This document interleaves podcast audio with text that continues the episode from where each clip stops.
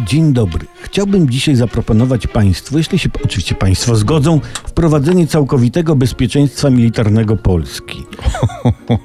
Plan mam. Do tego potrzebne będzie wojsko. Otóż, jak wiadomo, zwiększy się u nas liczba amerykańskich żołnierzy, może nawet stała baza powstanie. Niektórzy nie są z tego zadowoleni i przytaczają takie staropolskie powiedzenie. mówi się powiedzenie, bo powiedzenia mówią, taki celowy zbieg okoliczności. Więc to powiedzenie mówi: e, zamieniła stewardesa ruska na Jankesa. I Rosjanie się burzą i mówią, że wycelują swoją broń w Polskę. A co jakby, i tu płynnie przechodzę do planu, utworzyć w Polsce również wojskowe bazy rosyjskie? Pewne doświadczenie już mamy. Jakby to ujął wierszem Norwid, gdyby żył. Amerykanie i Rosjanie stacjonują ramię w ramię. Ba! Ba, chińskie bazy utworzyć u nas też i bazy każdego poważnego gracza militarnego w świecie.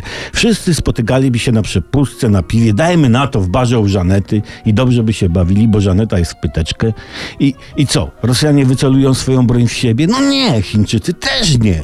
Rakiety, takie tam rosyjskie, inne, byłyby e, nacelowane nie na Polskę, ale tak ogólnie.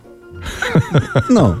I z pełnym przekonaniem, ocierając się o bezczelność, pozwolę sobie stwierdzić, że mój plan całkowitego bezpieczeństwa militarnego Polski nie ma słabych luk i należy przystąpić do jego realizacji. Dziękuję za zabranie głosu w tak ważnej dyskusji.